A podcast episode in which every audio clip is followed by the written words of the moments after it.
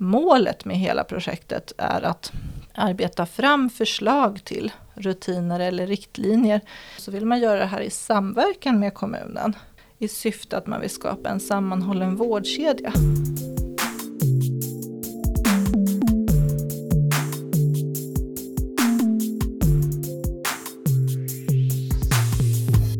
Hej och välkommen till FoU-podden.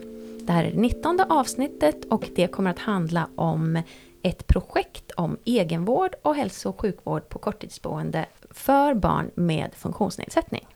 Jag som leder podden heter Lena Stenbrink och är kommunikatör på FoU Sörmland. Och med mig här i studion har jag Beatrice Olsson Duse och Ann-Kristin Jansson.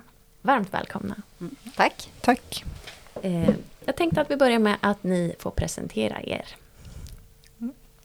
Ja, Beatrice eh, här då. Jag jobbar som eh, projektledare för det här projektet Egenvård och eller hälso och sjukvårdsinsatser under korttidsvistelse, LSS, barn och unga under 18 år inom Region Sörmland och jag är specialistsjuksköterska inom barn och ungdom. Mm. Ja, och jag heter Ann-Kristin Jansson som sagt och jobbar som biträdande områdeschef inom vård och omsorgsförvaltningen område funktionshinder heter det. Eh, och inom mitt ansvarsområde så eh, finns bland annat korttidshemsverksamheten för barn. Mm. Okej. Okay. Ja, till att börja med då. Korttids. Vad kan ni berätta om det? Vad är det? Eh, korttids, det är en insats som du får, som är behovsprövad och som du ansöker om via en biståndshandläggare i kommunen. Eh, så det är steg ett, att man, man ansöker om det och sen utifrån det så, så blir det bedömd om du tillhör personkretsen för LSS-lagen. Och är det så att du gör det så kan du få ett beslut på eh, att ha korttidsvistelse. Och då kommer det till verkställighet som det heter och då verkställer vi det på något av våra korttidshem som vi har här i Eskilstuna. Vilka barn är det som vistas på kortis? Vad kommer det sig att, att man hamnar där? Om du tillhör personkretsen för eh, LSS-lagen, eh, och det är tre personkretsar. Och det är personer med utvecklingsstörning och det är personer med betydande och bestående begåvningsmässiga funktionshinder. Eller personer med andra och varaktiga och psykiska funktionshinder som det står i lagen. Eh, och blir du bedömd att tillhöra någon av de personkretsarna har du också rätt att få avlastning via någon av de insatser som finns i LSS-lagen. Och då kan man eh, få bland annat korttidsvistelse som vi ska prata om här idag. Då. Och det är insats nummer 6 i LSS-lagen. Och den kan man få eh, dels då på korttidshem men det kan också vara så att man kan få det i en kontaktfamilj. Nu heter det ju korttids, så hur kort tid är det? Det kan vara allt ifrån, beroende på omfattningen i beslutet, så kan det vara allt ifrån ett par dygn i månaden till ja, 15 dygn i månaden kanske. Det finns egentligen ingen begränsning i lagen. Eh, men du måste ju naturligtvis bo hemma. Eh, det är ju din grund, att du bor hemma hos din familj. Okay. Att familjen får avlastning. Sa du vem som bestämmer vem som ska? Det bestäms, det en, finns en biståndshandläggare i kommunen som utreder och bedömer. Eh, ett, om du tillhör personkretsen, omfattning, eh, ja, de sakerna. Mm. När barnen nu är då på de här korttidsboendena, hur funkar det rent praktiskt? Kan de fortsätta de gå i skolan och sköta sitt liv som vanligt? Eller? Ja, eh, det gör de. Eh, korttidshemmet, om vi pratar om det, det är istället för eh, att vara hemma hos sin familj. Så då eh, fungerar livet som vanligt. Man går i skolan eller man går i förskolan och så långt som det är möjligt så är man med på de aktiviteter som man kanske har på kvällar och, och helger. Och det är också en möjlighet för våra barn att träffa kompisar. Andra, andra, andra kompisar. Ja. Det är ju så för barn med, med funktionsnedsättningar att de går ju kanske inte i skolan som ligger närmast deras hem utan de kan gå i skola som ligger en bit iväg och då kan det vara svårt att i sin hemmiljö bygga upp en kompiskrets. Eh, men då kan kortis vara ett sådant ställe där man träffar sina klasskamrater, även på fritiden. Vad bra. I början här så sa vi att projektet handlar om egenvård också. Vad är, vad är egenvård och vad är skillnaden mellan hälso och sjukvård och egenvård? Egenvård kan vara ganska avancerad hälso och sjukvård men som den legitimerade hälso och sjukvårdspersonalen, det, alltså det kan vara en läkare eller sjuksköterska eller sjukgymnast eller arbetsterapeut bedömer att det här kan man utföra eh, själv i hemmet. Och när det gäller barn och unga under 18 år eh, så blir det ju ett föräldraansvar att utföra den här insatsen i hemmet. Det kan ju vara att ge medicin eller Eh, man kanske har någon annan form, sondmat till exempel, eh, kan vara sådana insatser. När barnet vistas inom sin korttidsverksamhet så har ju barnet fortfarande behov av den här sondmaten eller läkemedlet precis som om barnet hade varit hemma. Och då har man egenvård även inom korttidsverksamheten. Mm. Har man hälso och sjukvårdsinsats under sin korttidsvistelse, då har man ett eh, delegeringsförfarande. Då är det alltså den legitimerade hälso och sjukvårdspersonalen inom eh, då regionen i det här fallet som överlåter till korttidspersonalen eh, att ge den här läkemedlet. Man gör egentligen, överlåter det fel ord, för att man, man, gör, man låter personalen på korttidsverksamheten få en utbildning i hur ska man hantera läkemedel till exempel eller hur gör jag för att ge den här sondmaten. Och så får de göra ett prov och visa att man har tillägnat sig en viss kunskap. Och när man har tillägnat sig den kunskapen, ja då kan till exempel sjuksköterskan skriva på att ja, den här personen klarar kunskapskraven och kan då ha den här delegeringen som gäller i ett år utifrån utförande. Så efter ett år så måste de göra om det då eller? Ja, precis. Och då, på så sätt så eh, checkar man alltid av att man har de kunskaper man behöver för att klara av de här arbetsuppgifterna. Mm. Hur fungerar det när familjen gör det här? Måste de också gå en utbildning? Nej, nej och ja, de får ju sin eh, utbildning och naturligtvis så ska man ju stämma av med dem också att de har förstått hur de ska göra. Mm. Men där är, gäller egenvården. Så att då, de behöver inte Eh, på det sättet göra något kunskapskrav. Man gör inte en delegering till föräldrarna på det sättet. Men det är klart att man stämmer av att de har förstått hur de ska eh, sköta barnets medicinering och vilka tabletter som ska ges när. Och... Är det så alltså att eh, de barn och ungdomar väl som är på korttids, det handlar mer om fysiska funktionshinder. Det kanske är så mycket om, om man säger om man har ADHD eller autism eller Jo, det, man kan ha såväl fysiska funktionsnedsättningar som man kan ha eh, psykiska funktionsnedsättningar. Oftast kanske man har en eller flera i kombination. Mm. Eller man kan ha bara autism, kan man också ha. Eh, man kanske har ADHD och autism. Eh, man kan också ha neurologiska handikapp eller så att man är rullstolsburen och man kanske behöver sondmat, man behöver Eh, andningsunderstöd visst och så. Så det, det skiftar väldigt olika skulle jag vilja säga. Mm. Är alla på samma avdelning då eller hur delar man upp? Eh, I Eskilstuna har vi så att eh, de fyra korttidshem som finns är inriktade mot olika målgrupper.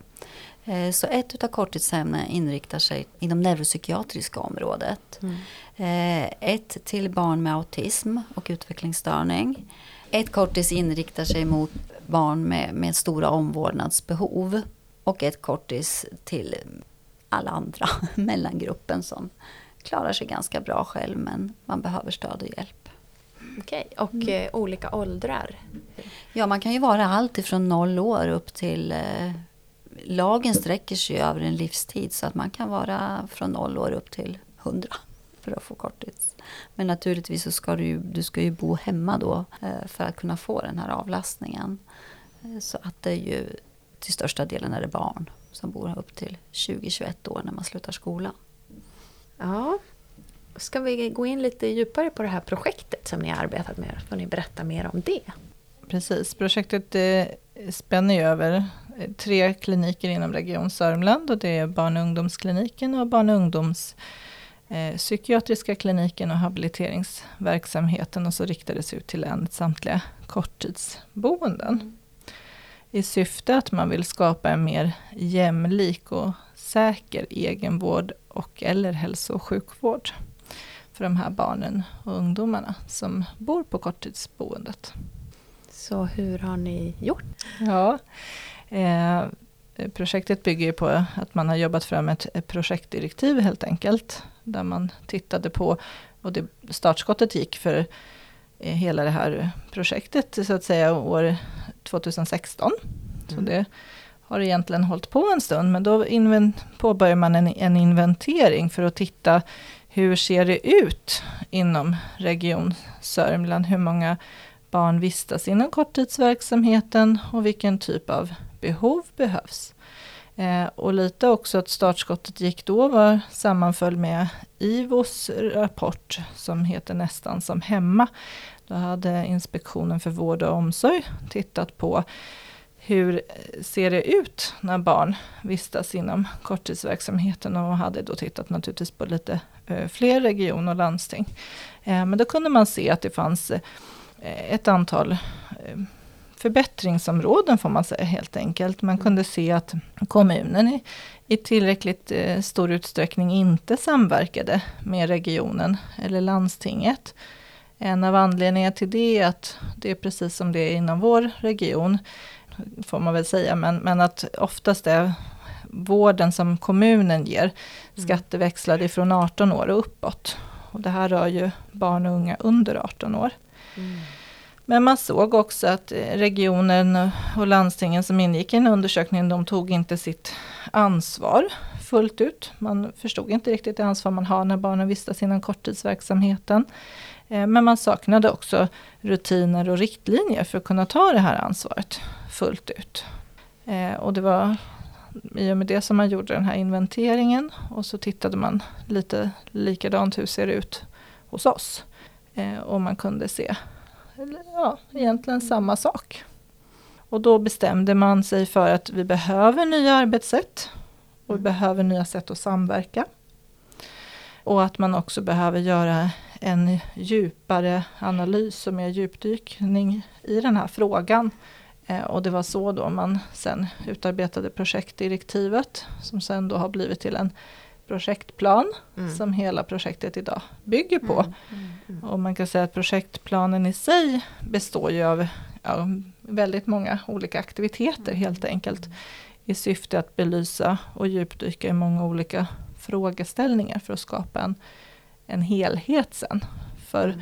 målet med hela projektet är att arbeta fram förslag till rutiner eller riktlinjer som man då skulle kunna ta beslut om inom Region Sörmland och implementera inom Region Sörmland och tillämpa i kommunen.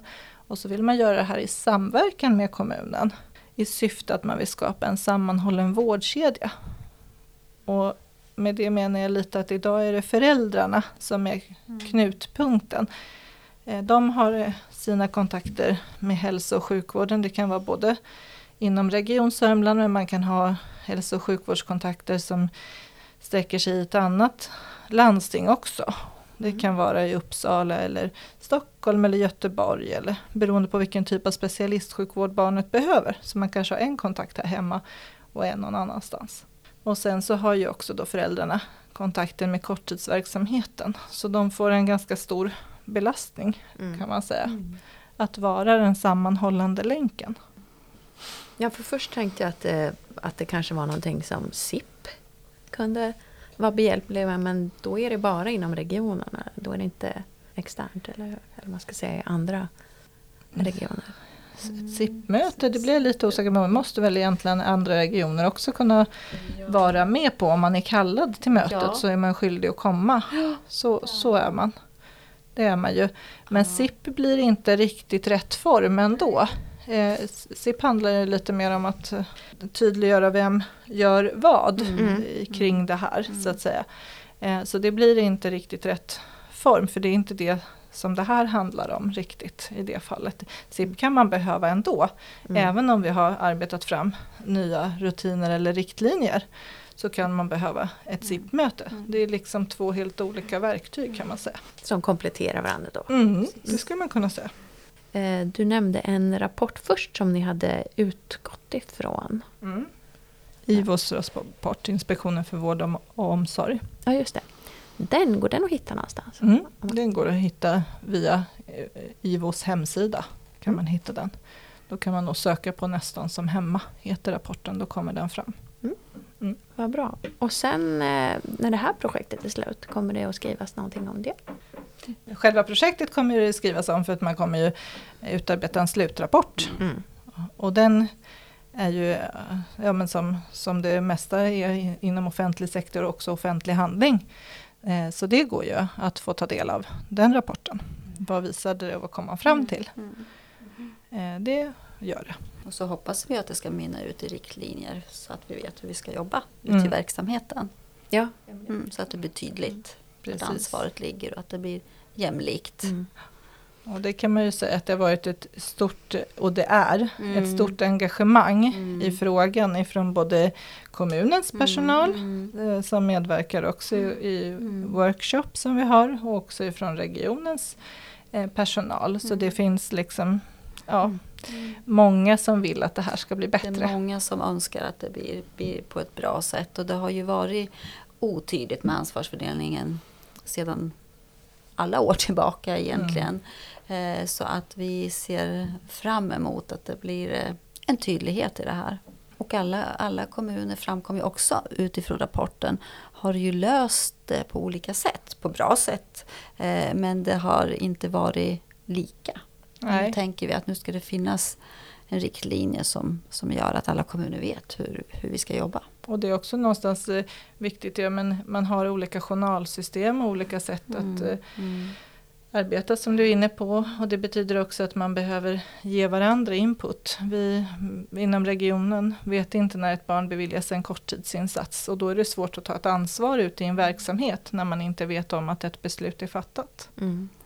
Och det har ju med att våra, i, ja, vi är olika huvudmän, vi har olika IT-stöd eh, och så. Så att då behöver man också hitta kommunikationsformer. Men har ni hittat någon sån form nu då så att man kan ta del av varandras? Inte än, det, utan det är ju det som blir en del i rutinen eller riktlinjen. Ja. Hur ska vi öka Mm. för att få en sammanhållen vårdkedja? Hur, hur ger vi varandra information? Jag tänker att det måste ju vara viktigt i även i andra frågor inom hälso och sjukvården. Att kunna liksom Absolut. ta del av. Ja. Mm. Så det, det är det ju absolut. Det är det. Mm. Mm. Så folk, folk kan sno er idé sen kanske. Ja, Det hoppas vi. Ja. det hoppas vi. Men det har varit många sådana frågor. Ja. Kommer det här kunna vara tillämpligt på andra, Andra, delar? ja. Ja. Varför tittar ni bara på korttidsverksamheten? Det här problemet finns inom andra eh, delar, inom avlösarservice och personlig assistans och så. Eh, så då får man ju hoppas att det, det man tar fram kan vara applicerbart på flera områden. Det är ju jättebra i sådana fall. Men det måste vara kul att ta fram någonting då som är efterlängtat. Mm. Mm. Absolut. Det är positivt. Ja. Mm. Det, det är det faktiskt. det är det. Bara positivt. Ja. Mm. Men vad bra.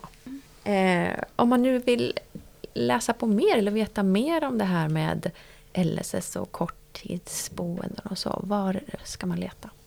Eh, dels så kan man ju gå in på kommunens hemsida och läsa om, om eh, de verksamheter som finns i kommunen. Lite kort står det där. Men man kan ju också söka på LSS-lagen eh, och läsa där. Det finns mycket bra på, på nätet.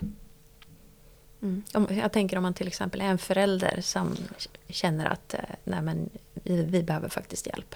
Ja, då, då går man in på kommunens hemsida så, så söker man efter eh, hjälp Mm. inom vård och omsorg. Och då kommer, eh, går man vidare och söker. Jag kan inte exakt säga hur det, hur det ser ut nu då, men eh, då kommer du fram till eh, de insatser och verksamheter som finns för personer med funktionsnedsättningar.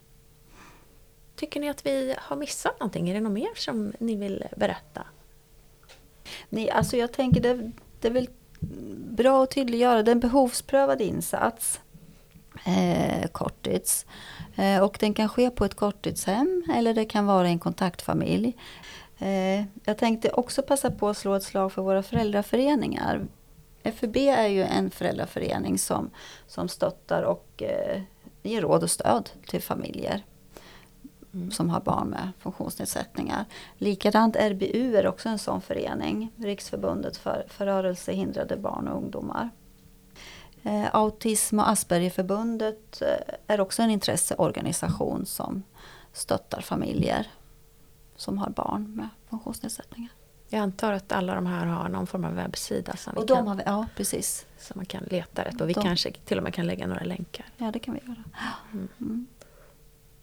Jag tänker man kanske ska tydliggöra något med egenvården där. Som jag sa, det är ju föräldrarnas men det är klart att egenvården också kan förskrivas till korttidspersonal eller eh, till skola. Förskrivs det ju också en del eh, sådana egenvårdsintyg där det då ska tydligt framgå vad barnet behöver hjälp med för någonting. Utifrån sin eh, ja, hälso och sjukvård så att säga. Så det är bra att tydliggöra tror jag. Mm. Men jag tänker egenvården i skolan, hur funkar det då? Eh, ja, då är det ju egentligen ja, den legitimerade hälso och sjukvårdspersonalen, återigen då från eh, regionen, som förskriver eh, egenvård så att skolan vet vad är det barnet har för behov när den vistas inom skolans eh, värld. Vad behöver barnet ha hjälp med? Det kan ju vara intag av mediciner till exempel eller kanske om man har insulin och har diabetes så kan det vara att man behöver ha ha hjälp att kolla sitt blodsocker, speciellt om det är mindre barn. kan man ju behöva bli påmind om att nu ska vi ta eh, blodsockerkontroll och man kan behöva hjälpa till att justera insulindoser, man kan behöva räkna kalorier. Och då får de också lära sig det då först då, den som ska sköta det eller vem sköter det? Ja, det är den som ska hjälpa barnet med att sköta det i skolan behöver ju få utbildning i hur den ska hantera det hela. Den utbildningen ges ju oftast ifrån kanske en diabetessjuksköterska. Ja, eh, sa du eller ni när den här eh, när era riktlinjer kommer vara klara? Nej, det sa vi inte. Tanken är ju är precis i, i ja, vad ska man säga, mitten av september får vi säga. Då är tanken att, att det ska vara eh, färdigt med ett förslag som ska kunna gå ut på remiss till eh, då både eh, vår närvårdsstruktur där vi träffas kommun och region gemensamt eh, och även till de som har varit med i de här arbetsgrupperna så att man får så mycket input som möjligt på slutrapporten. Och därefter så beror det på vad de kommer fram till eh, och så kanske det blir aktuellt att revidera eller förtydliga eller vad, Mm, ja, det beror på. Eller om de förordar. Det är inte säkert att det är ett förslag som man kommer fram till, man kanske kommer fram till flera förslag. Eh, så det, mm, Mm, då börjar det närma sig ändå slutet på det här. ja men det gör det. Ja, det gör det. Mm. Mm. Ja. ja, då ser vi fram emot det. Mm. Mm. Och sen får jag säga tack så jättemycket för att ni kom och berättade om ert projekt. Mm, Tack. tack. Eh, och till dig som har lyssnat så vill jag säga tack för att du lyssnade. Och hoppas du vill vara med och höra även nästa avsnitt av FoU-podden. Ha en fin dag. Hej hej!